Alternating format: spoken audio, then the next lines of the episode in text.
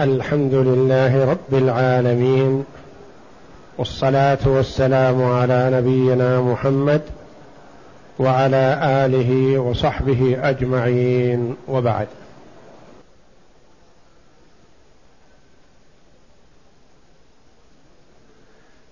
عرفنا فيما سبق طريق القسمة على مخرج القيراط. قسمة التركة على مخرج القيراط. بأن يقال لفلان قيراطان وله خمسة من القيراط وله سبعة إلى آخره. أو وله ربع قيراط أو نصف قيراط. وهذا يتأتى في كل تركة سواء كانت مما يمكن قسمته أو ما لا يمكن قسمته. وعرفنا أن القيراط قد يكون صامتا وقد يكون ناطقا فالصامت هو ما لا يقبل القسمة إلا على نفسه. كثلاثة وخمسة وسبعة إلى آخره. والناطق هو ما يقبل القسمة على غيره. كأربعة وستة وثمانية وتسعة وعشرة واثنا عشر إلى آخره.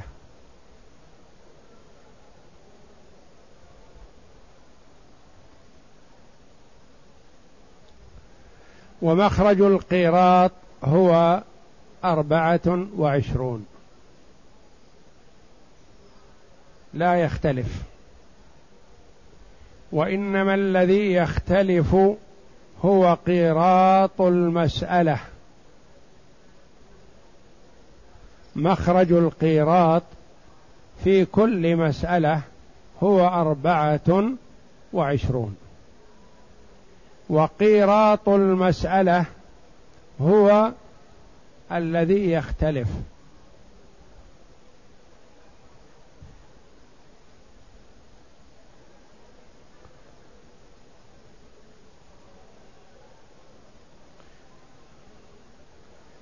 يقول فإذا أردت أن تعرف قيراط المسألة فاقسم.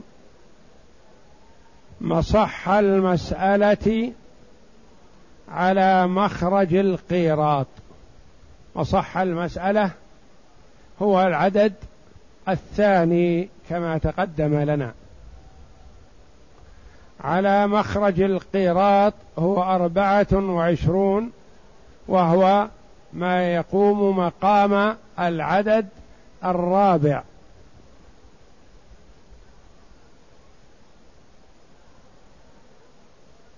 فما خرج فهو قيراط المسألة.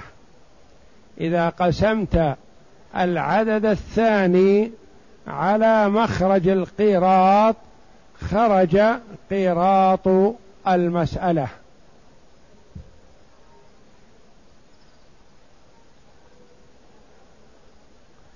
وإذا أردت أن تعرف ما بيد كل واحد من القراريط فاقسم نصيبه من المسألة على مخرج القيراط. على قيراط المسألة فاقسم نصيبه على القيراط.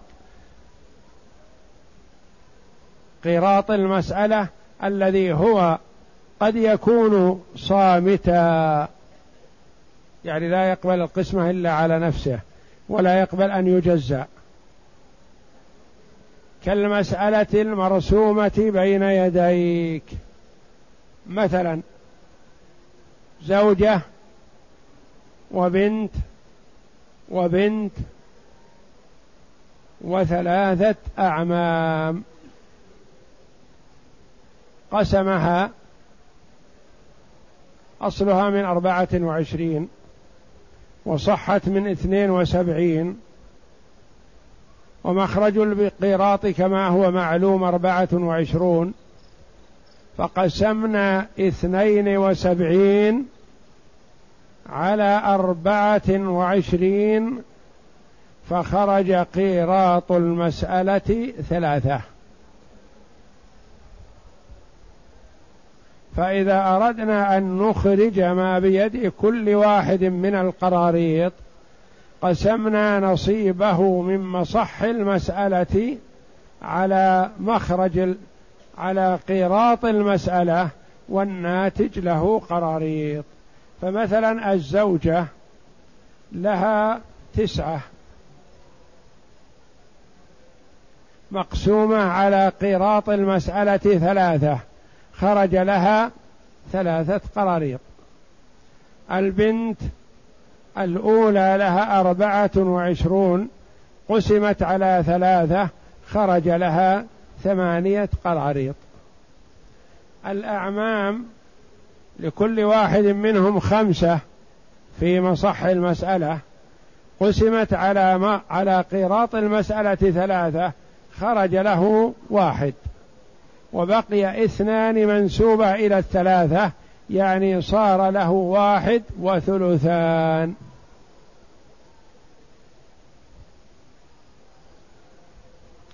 هذا المثال لما كان قيراط المسألة صامتا يعني غير قابل للتجزئة.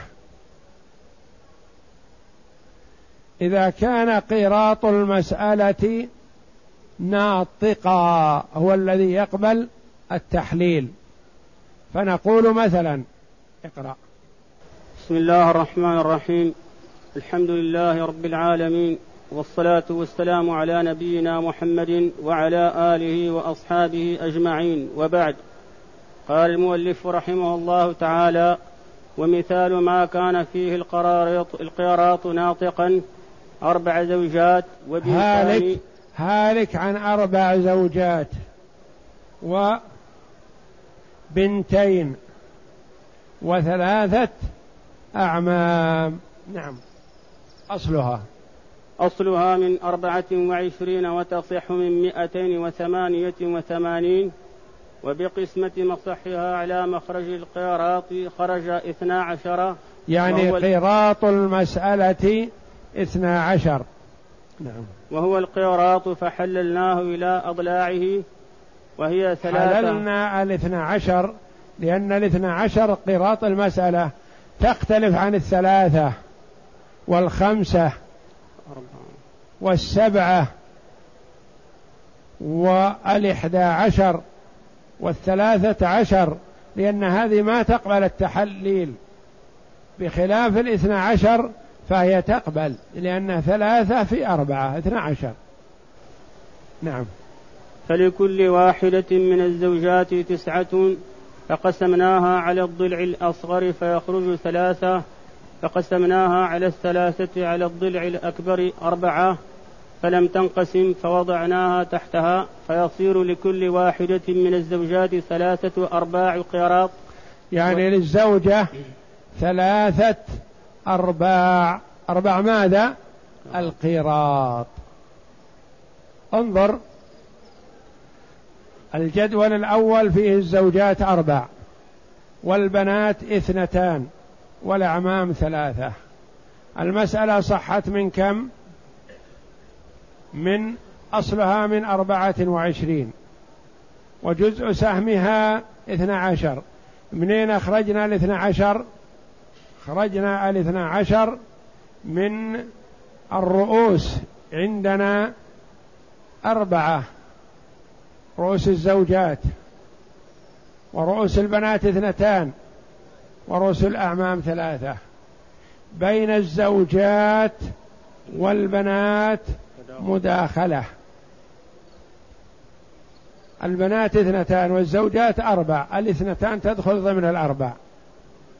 بقي عندنا رؤوس الزوجات ورؤوس الأعمام ثلاثة وأربعة. لا ليس بينهما موافقة ولا مماثلة ولا مداخلة بل بينهما مباينة. فنضرب ثلاثة في أربعة فيخرج اثنا عشر وهذا جزء السهم. وضعناها بجوار الأربعة والعشرين. فضربنا الأربعة والعشرين في اثنا عشر. خرج كم؟ مئتان وثمانية وثمانون. وهذا نسميه مصح المسألة. مخرج القيراط وضعناه بجوار المصح. أربعة وعشرين.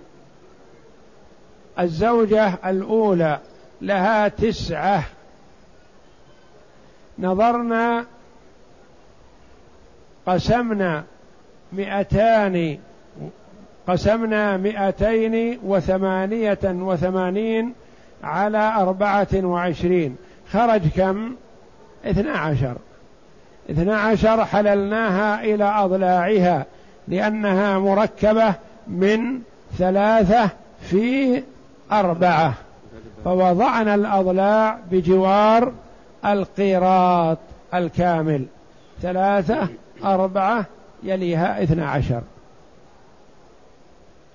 نقسم التسعة نصيب الزوجة على الضلع الأصغر أولا. ثلاثة. تسعة على ثلاثة كم يخرج؟ ثلاثة, ثلاثة. نقسم الثلاثة على الضلع الأكبر أربعة. نقسم ثلاثة على أربعة ما تنقسم تقف. نضعها تحت الأربعة منسوبة إليها فتكون ثلاثة في أربعة. ثلاثة من أربعة يعني ثلاثة أرباع. كم للزوجة الواحدة؟ ثلاثة أرباع القيراط. الأخرى مثلها الثالثة مثلها الرابعة مثلها سواء. عندنا البنت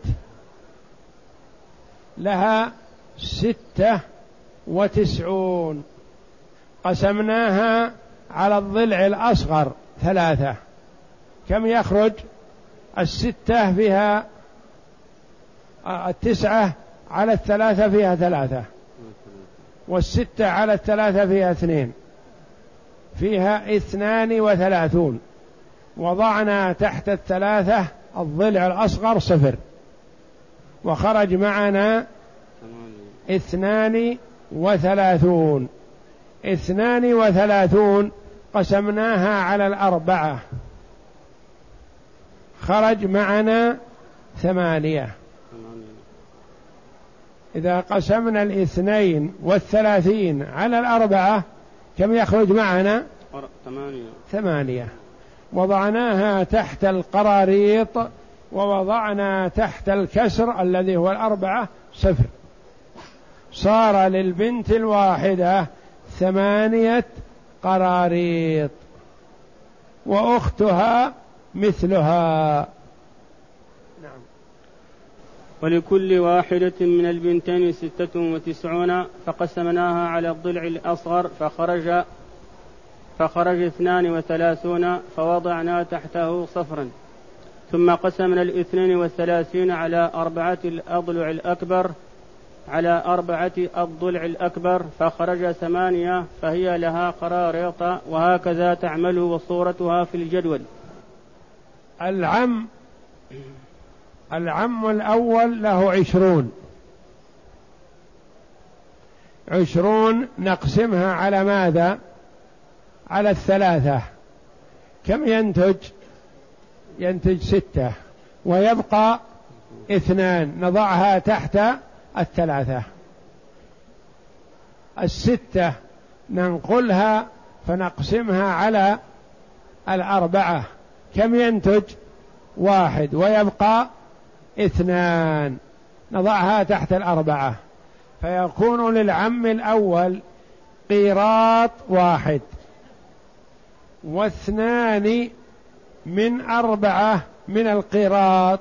كم الاثنين من الأربعة؟ نصف. ربعان يعني عبارة. فيكون لها له نصف. قيراط ونصف. واثنان من ثلاثة من الربع. فيكون له قيراط وربعان كما هو مكتوب عندنا ولا يصلح نقول نصف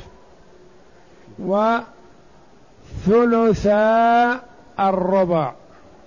لأن اثنين من ثلاثة ثلثان. ثلثان ليس كامل وإنما هي ثلث الربع.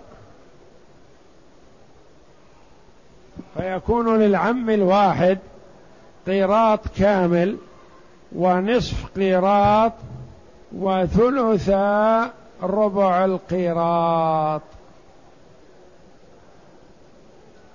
إذا أردنا أن ننظر هل عملنا هذا صحيح فنحمد الله أم عملنا خطأ فنرجع لتصحيحه. فنجمع. اولا نجمع الكسور على اليسار. اثنان واثنان واثنان. كم هما؟ ستة. ستة.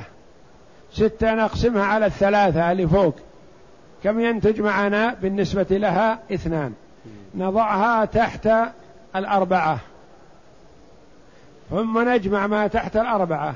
اثنان التي معنا مع اثنين واثنين واثنين. كم؟ صير ثمانية. ثمانية وثلاثة إحدى عشر. وثلاثة أربعة عشر وثلاثة سبعة عشر وثلاثة عشرون. عشرون نقسمها على الأربعة التي هي فوق. ينتج كم؟ خمسة. نضعها تحت القراريط. فنقول خمسة واحد واحد واحد ثمانية. وثمانية ستة عشر. وثمانية أربعة وعشرون. تطابق الأسفل مجموعه مع الأعلى أربعة وعشرون قيراطا. فطريقة عملها في الجدول أن ترسم شباكا جداول عرضا بعدد الورثة. وأما جداول طولا فأربعة إن لم يكن للقيراط أضلاع. وإلا فتزيد بحسب الأضلاع فالجدول الأول يجعل فيه ذو الإرث ذوي الإرث كل وارث في بيت والثاني يجعل فيه أسهمهم والثالث يوضع في, في قوسه. فخرج القيراط أعني أربعة وعشرين. وما بعده وما بعد هذه الجداول فهو لذلك القيراط أو لأضلاعه المحلول إليها مقدما الأكبر فالأكبر. كل ضلع من المحلول في أعلى الجدول ثم تقسم نصيب كل وارث على أقل الأضلاع وتحفظ الخارج من القسم. وإن فضل كسر فتضعه تحت ذلك الأقل وإن لم يكن كسر فتضع تحته صفرا. ثم تقسم الخارج القسمة المحفوظة على الضلع الذي قبل الأقل وتضع تحته صفرا إن كان الخارج صحيحا. والكسر إن كان كسرا وما خرج صحيحا تضعه تحت الأربعة والعشرين إذ هو قراريط وامتحان صحة العمل يكون بجمع ما تحت الضلع الأخير وقسمة المجموع على ذلك الضلع ثم تجمع خارج القسمة مع مجموع ما تحت الضلع الذي قبل الضلع الأخير وتقسيم المجموع على ذلك الضلع وهكذا إلى أن تجمع الخارج إلى ما تحت الأربعة والعشرين فإن أتى بقدرها فقد صح العمل وإلا فلا ويتضح ذلك بالمثال التالي. مثال آخر زوج وثلاث جدات وخمس أخوات شقيقات المسألة من ستة للزوج النصف ثلاثة وللشقائق الثلثان أربعة لا ينقسم عليهن منكسر ومباين. وللجدات السدس واحد لا ينقسم ومباين وبالنظر بين الرؤوس رؤوس الجدات وبالنظر بين الرؤوس رؤوس الجدات ثلاثة ورؤوس الشقائق خمسة. وجدتها متباينة فتضرب بعضها ببعض فتبلغ خمسة عشر وهي جزء السهم فتضربها في, في عول المسألة ثمانية فتبلغ مئة, مئة وعشرين للزوج ثلاثة مضروبة بجزء السهم ثلاثة عشر يخرج خمسا وأربعون. وللشقائق أربعة مضروب بخمسة, بخمسة عشر تبلغ ستين لكل واحدة اثنا عشر. وللجدات واحد مضروب بجزء السام خمسة عشر بخمسة عشر لكل واحدة خمسة. فإذا قسمنا مصح المسألة مئة, وعشرين على مخرج القيراط أربعة وعشرين خرج خمسة فإذا قسمنا نصيب الزوجة نصيب الزوج خمسة وأربعين على خمسة قراريط المسألة خرج له تسعة فيكون له تسعة قراريط وهكذا وصورتها في الجدول. انتبه صورتها في الجدول. عندك الجدول الأول فيها الورثة. زوج وثلاث جدات وخمس شقائق. فوق كتب أربعة وعشرين وهذا ما هو صحيح. أصل المسألة زوج وجدات وشقائق من ستة. أصل المسألة من ستة. للزوج النصف ثلاثة. وللجدات السدس واحد. وللشقائقات الثلثان أربعة. أربعة واحد كم؟ خمسة. وثلاثة ثمانية. عالت المسألة إلى ثمانية. أربعة وعشرين هذه ما لا محل عندنا الآن إطلاقا. خطأ. اكتب. حط. اطمس الأربعة والعشرين وضع على يمينها ثمانية. مبلغ العول. إن الأصل من ستة وعالت إلى ثمانية. ننظر بين الرؤوس والسهام. نجدها مباينة. الجدات لهن واحد ورؤوسهن ثلاث. مباينة. الشقيقات لهن أربعة ورؤوسهن خمسة. مباينة. ننظر بين الرؤوس والرؤوس. عندنا الزوج نصيبه منقسم عليه.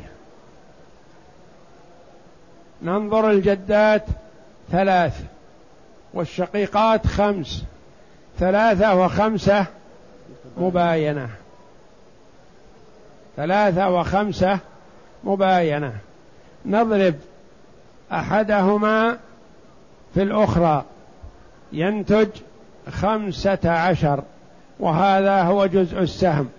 ضعه على يمين الأربع والعشرين التي طمستها. يصير عندك فوق أصل المسألة على اليمين خمسة عشر التي هي جزء السهم. وعلى اليسار ثمانية التي هي مبلغ عول المسألة. اضرب خمسة عشر في ثمانية. خمسة عشر في ثمانية.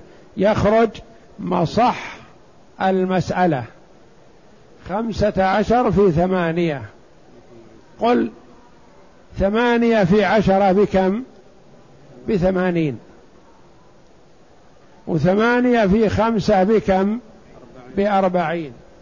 اجمع أربعين وثمانين كم تكون؟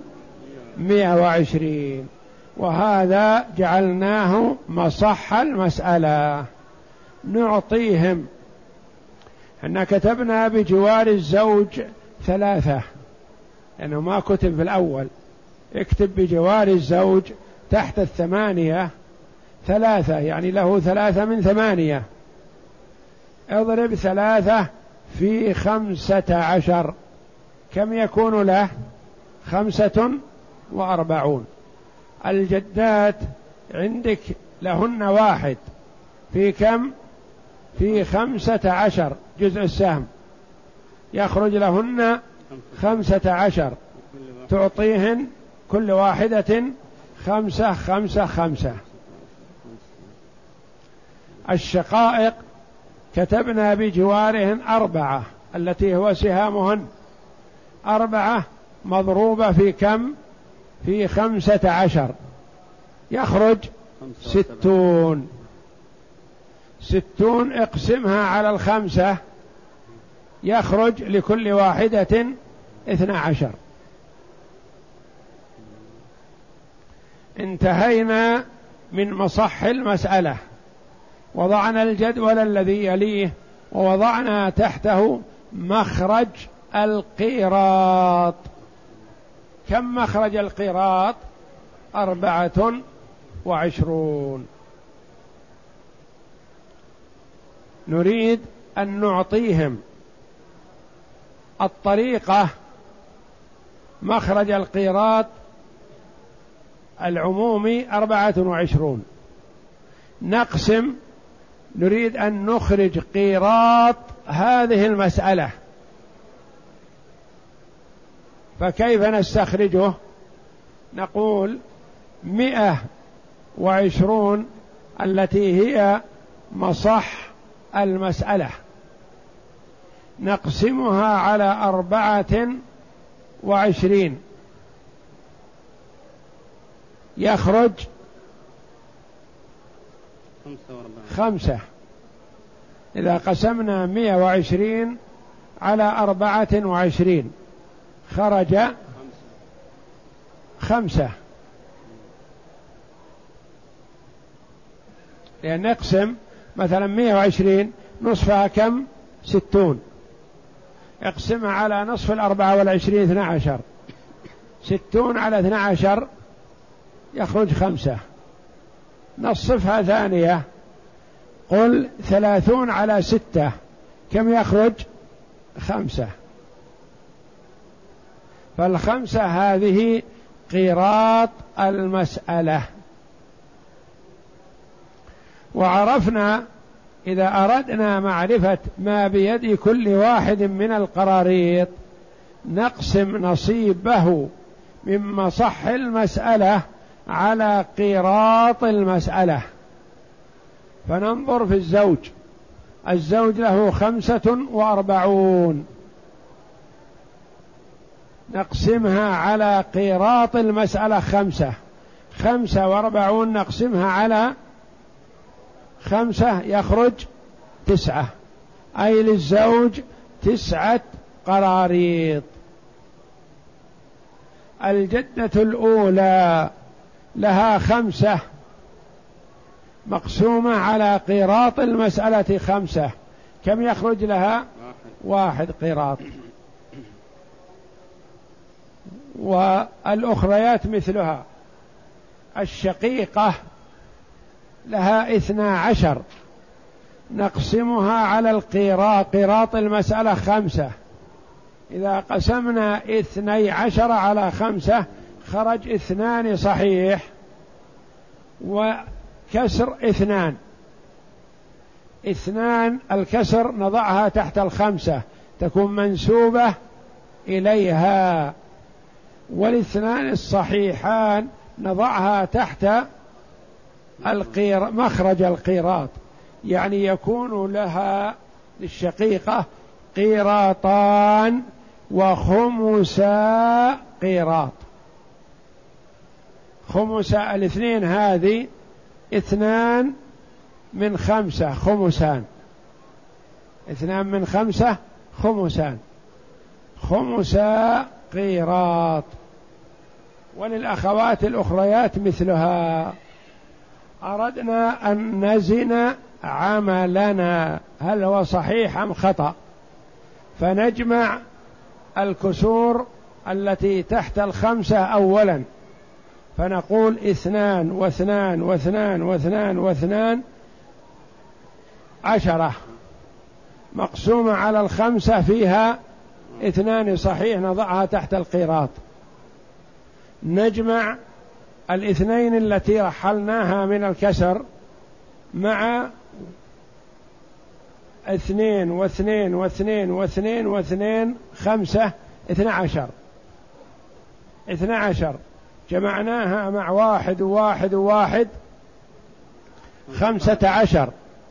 جمعنا مع الخمسة عشر تسعة نصيب الزوج صارت أربعة وعشرون. العمل صحيح والحمد لله. وضعنا في الجدول الأول الورثة وفي الثاني نصيب نصيبهم من مصح المسألة إزاء كل واحد وفوقه مكتوب مئة وعشرون.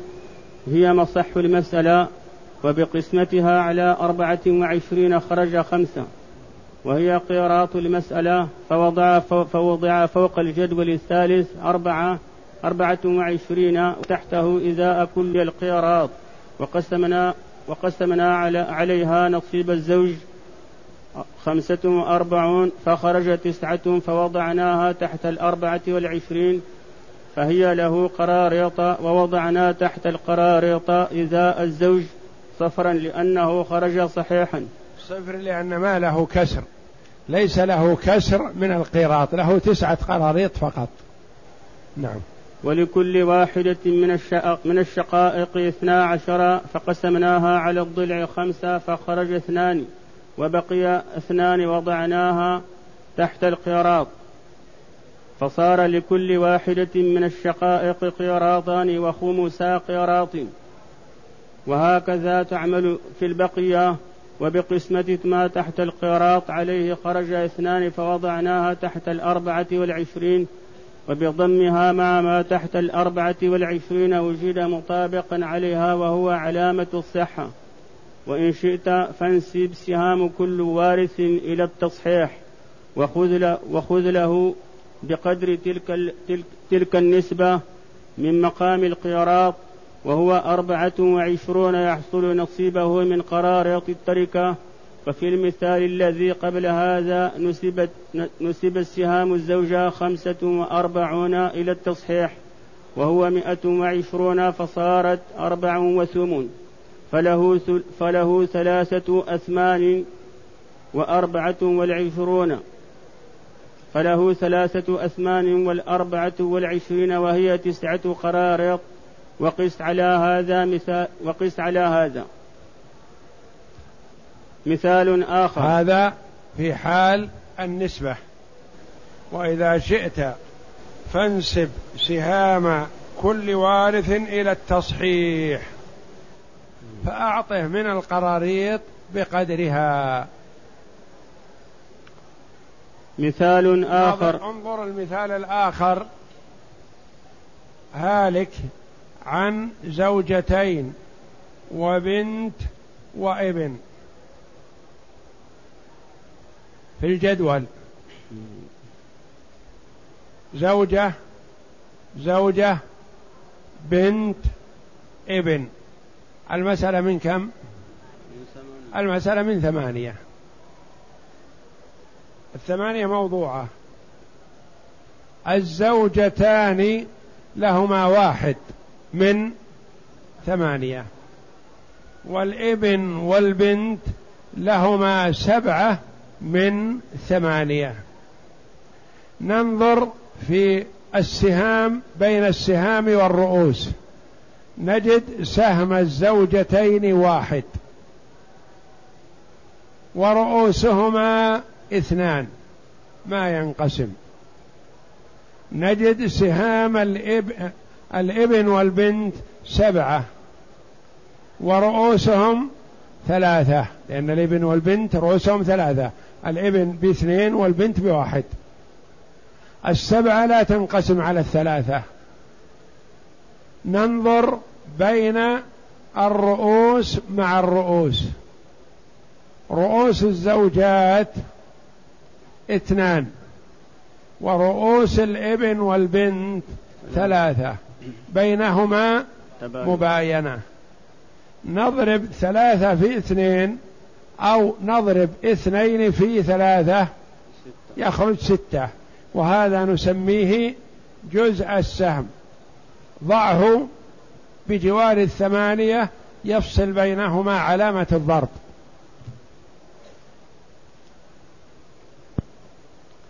اضرب ستة في ثمانية ستة في ثمانية بثمانية وأربعين.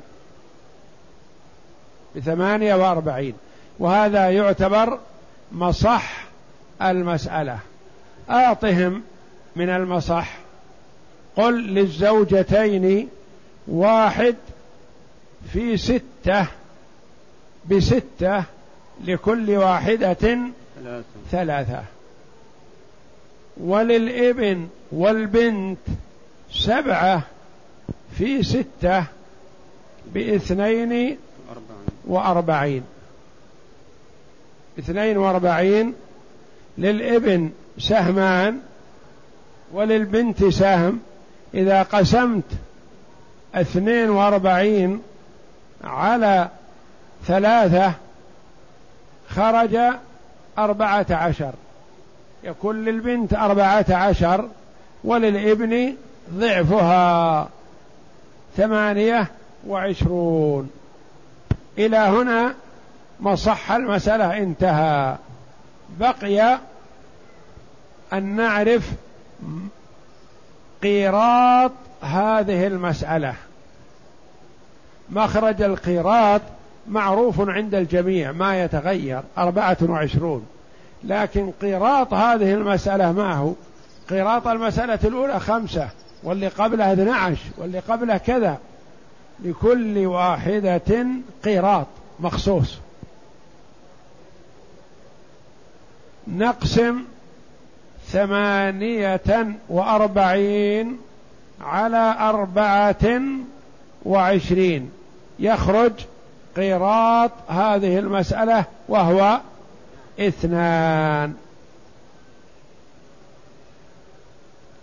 فتقسم نصيب كل واحد من المسألة على قيراط المسألة فيخرج نصيبه من القراريط. فتقول للزوجة الأولى ثلاثة. مقسومة على قيراط المسألة اثنين. كم ينتج؟ واحد صحيح ويبقى واحد. نضع الواحد الباقي ذا عبارة عن كسر منسوب إلى الاثنين الذي فوقه يعني عبارة عن نصف. واحد إلى اثنين نصف. فيكون لها قيراط صحيح ونصف قيراط الزوجة الأخرى مثلها. لها قيراط ونصف قيراط. البنت لها أربعة عشر من مصح المسألة. نقسمها على قيراط المسألة كم؟ اثنين. أربعة عشر إذا قسمناها على اثنين كم يكون؟ يكون لها سبعة قراريط. الثمانية والعشرون قسمناها على قراط المسألة. اثنين كم يخرج له الولد الابن؟ أربعة عشر قراط نريد أن نجمع القراريط. إن قابلت أربعة وعشرين صح وإما قابلت فعملنا غلط. إذا جمعنا الذي تحت القراريط واحد وواحد وسبعة وأربعة عشر كم تصير؟ سبعة وأربعة وأربعة عشر واحد وعشرين. واحد وواحد ثلاثة وعشرين. العمل غلط؟ لا ما يصير غلط إن شاء الله.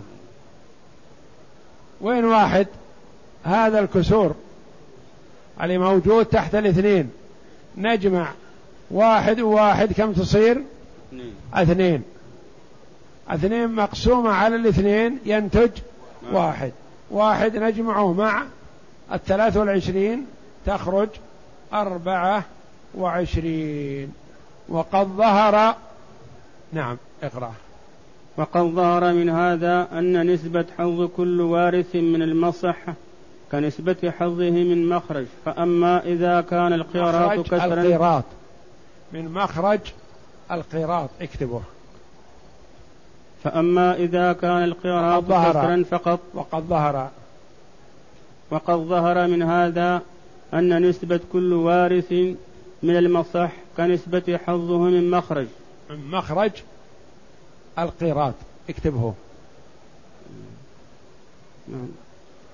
فأما إذا كان القيراط كسرا فقط فابسط نصيب كل وارث من جنسه ثم اقسم عليه فما خرج فهو له قرار يطأ مثاله زوج وبنتان وعم المسألة من اثنا عشر للزوج الربع ثلاثة. من المسألة من؟ من اثني؟ من اثني عشر للزوج الربع ثلاثة وللبنتين الثلثان ثمانية والباقي واحد للعم. وقيراطها نصف سهم وقراطها نصف. كيف عرفنا أن قراطها نصف؟ من قسمة اثني عشر وصح المسألة على قيراط على مخرج القيراط. قسمنا اثنى عشر على مخرج القيراط. كم ينتج؟ اثنى عشر. قسمناها على أربعة وعشرين. كم ينتج؟ نصف. قراط هذه المسألة نصف. القراط قد يكون كسر قراط المسألة وقد يكون عددا صحيح وقد يكون عددا صحيح وكسر. عدد كسري. نعم. نقسم. إذا قسمنا نصيب الزوج ثلاثة نصيب الزوج من المصح ثلاثة لأن المسألة من اثني عشر. قسمناها على نصف اللي هو مخرج القيراط. إذا قسمنا الثلاثة على نصف كم يكون؟ بها ستة. يخرج ستة أنصاف. فنضعها تحت مخرج القيراط. يعني عبارة له ستة قراريط. البنت الأولى لها أربعة. لها أربعة. نقسمها على نصف. كم تخرج؟ ثمانية. نضعها. البنت الثانية مثلها. العم له واحد. يقسم على نصف. كم يكون له؟ اثنان. فأصبح للعم قيراطان. ولكل واحدة من البنات. ثمانية قراريط وللزوج ستة قراريط. اجمعها. ستة وثمانية أربعة عشر. وثمانية اثنان وعشرون. واثنان أربعة وعشرون. هنا قراط المسألة كم هو؟ نصف. نصف. قد يكون قراط المسألة نصف وربع وثمن. إذا كانت أقل إذا كانت المسألة مثلا صحت من ثلاثة. ومخرج القيراط أربعة وعشرون. كم يكون قيراط المسألة هذه؟ ثمن. وقد يكون نصف السدس. مخرج القيراط نصف السدس. إذا صحت المسألة من اثنين. فقسمنا الاثنين على أربعة وعشرين. كم يخرج الناتج؟ نصف السدس. ما هو سدس؟ نصف السدس. السدس أربعة ونصف السدس اثنان. إذا قيراط المسألة نصف السدس. وهكذا. فمصح المسألة إذا كثر زاد عن أربعة وعشرين صار عدد صحيح وربما يكون عدد صحيح وكسر. وإن كان أربعة وعشرين فقط صار عدد صحيح واحد فقط. وإن كان أقل من أربعة وعشرين صار كسر فقط. إذا صحت المسألة من اثنين فقيراط المسألة نصف السدس. إذا صحت المسألة من ثلاثة فقيراط المسألة ثمن. إذا صحت المسألة من أربعة فقيراط المسألة سدس. إذا صحت المسألة من من ستة فقيراط المسألة ربع. إذا صحت المسألة من ثمانية فقيراط المسألة ثلث. إذا صحت المسألة من اثني عشر فقيراط المسألة نصف. وهكذا. إذا صحت المسألة من ستة عشر فيكون قيراط المسألة ثلثان.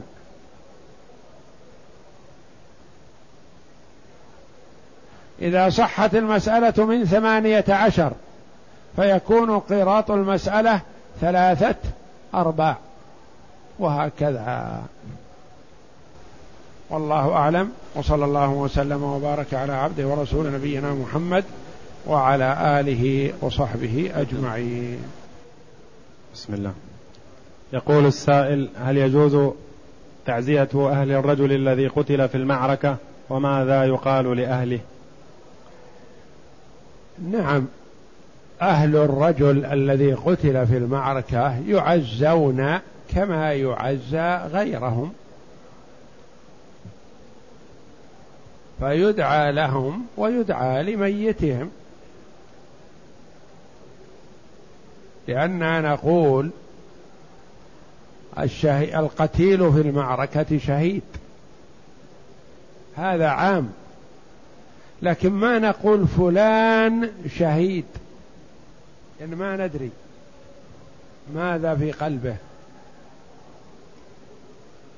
نقول شهيد إذا أخبرنا النبي صلى الله عليه وسلم أنه شهيد. النبي صلى الله عليه وسلم لما قال الصحابة رضي الله عنهم فلان شهيد وفلان شهيد وفلان شهيد لما وقفوا على واحد قال كلا لا ليس بشهيد. مقتول في المعركة معهم. كلا إني رأيته في النار في شملة غلها ما يقال عنه إنه شهيد وهو في النار. فقد يقتل في المعركة ويكون في النار. حنا ما ندري عن الحقائق. الله جل وعلا هو الذي يدري ويعلم. وما أطلع عليه رسوله صلى الله عليه وسلم. فنحن نعزي أهل القتيل في المعركة كما نعزي أي ذوي ميت. لأن ما يصلح أن نقول إن هذا شهيد ما يدعى له يدعى له. ولا ندري ما مآله.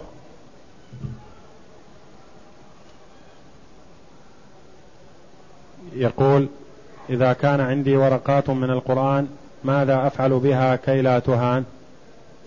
ممكن أن تدفنها في مكان طاهر ناء عن الوطء بالأقدام. يعني تخرج بها إلى مكان خارج البنيان وتدفنها. يكفي هذا. تعمق لها حتى لا تحفر. ويجوز أن تحرقها حتى لا تبقى أثر الكتابة ويحصل لها إهانة أو دياسة بالأقدام.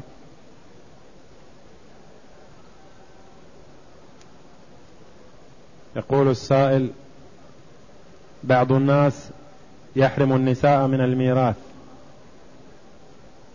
هذا محرم ولا يجوز.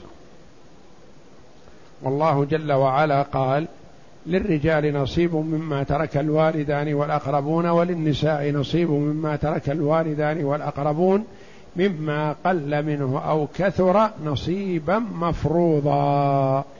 فيحرم حرمان وارث من ميراثه. ورد في الحديث من حرم وارثا من ميراثه حرمه الله إرثه من الجنة. وهذا وعيد شديد. ولا يجوز إحراج النساء بأن يطلب منهن التنازل. ما المبرر؟ يأخذها معه للمحكمة أو لكتابة العدل من أجل أن تقرر تنازلها عن ميراثها من أبيها أو من أمها. هذا حرام. قد تستحي هي تقول لا ما نم تنازلها. لكن ما المبرر لتنازلها يا أخي؟ وما المبرر لكونك أنت تأخذ الميراث وحدك؟ اشتر نصيب أختك أو تبقى شريكة لك؟ أما أن تحرجها وتقول اذهبي معي للتنازل عن هذه الأرض لأن الوالد خلفها.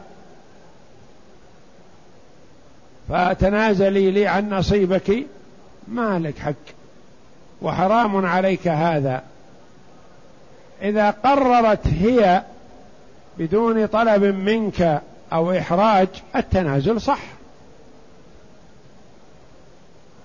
أو كنت قد أحسنت إليها أو أعطيتها أكثر من قيمة الأرض فأرادت أن تكافئك بنصيبها من هذه الأرض ونحو ذلك فلا بأس. أما أن تقول لها تنازلي لأن السلم عندنا والعرف عندنا أن البنات لا يأخذن نصيب من الأرض. تنازلي حتى لا يقوم أولادك فيما بعد علي ولا على أولادي. هذا حرام ولا يجوز. يقول جدة توفيت ولها ولد توفي قبلها وعنده ثلاث بنات متزوجات ولها أخت شقيقة وعندها عمارتين. نرجو توضيح الإرث بين الورثة. هذه الميتة عندها بنات ابن وعندها أخت شقيقة. بنات الابن لهن الثلثان والشقيقة لها النصف. أو لا؟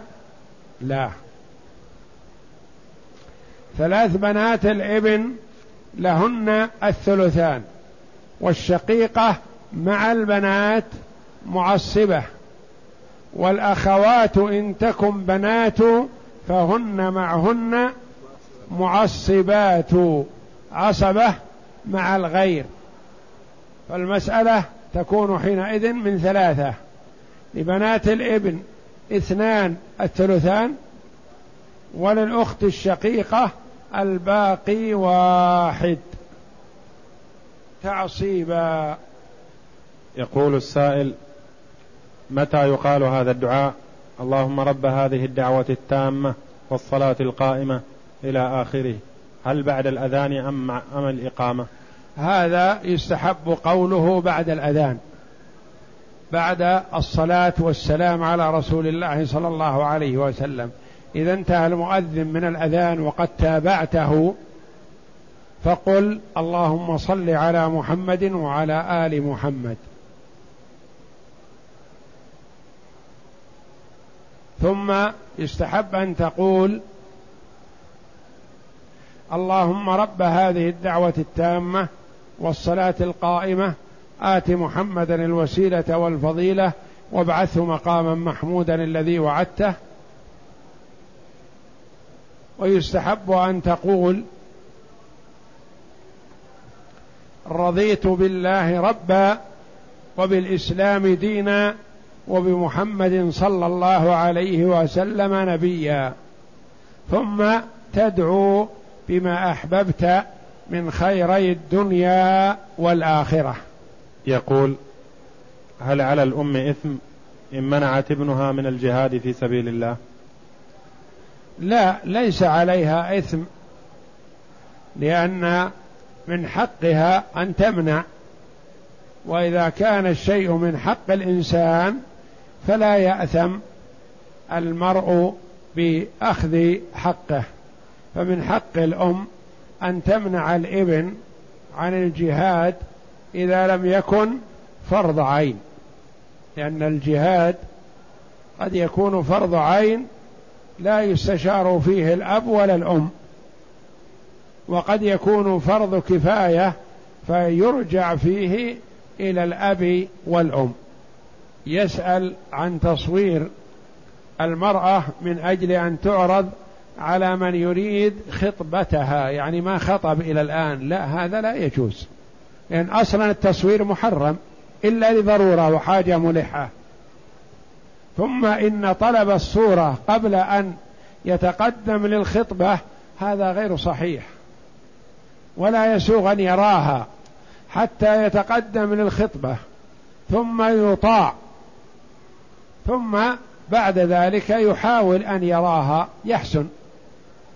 لكن قبل أن يتقدم لخطبتها يقول أعطوني صورتها لا. لأنه ربما لا يتقدم أو ربما يتقدم فيرفض. وما الفائدة من إعطائه الصورة؟ والصورة محرم تصوير المرأة لغير ضرورة وهذا ليس بضرورة.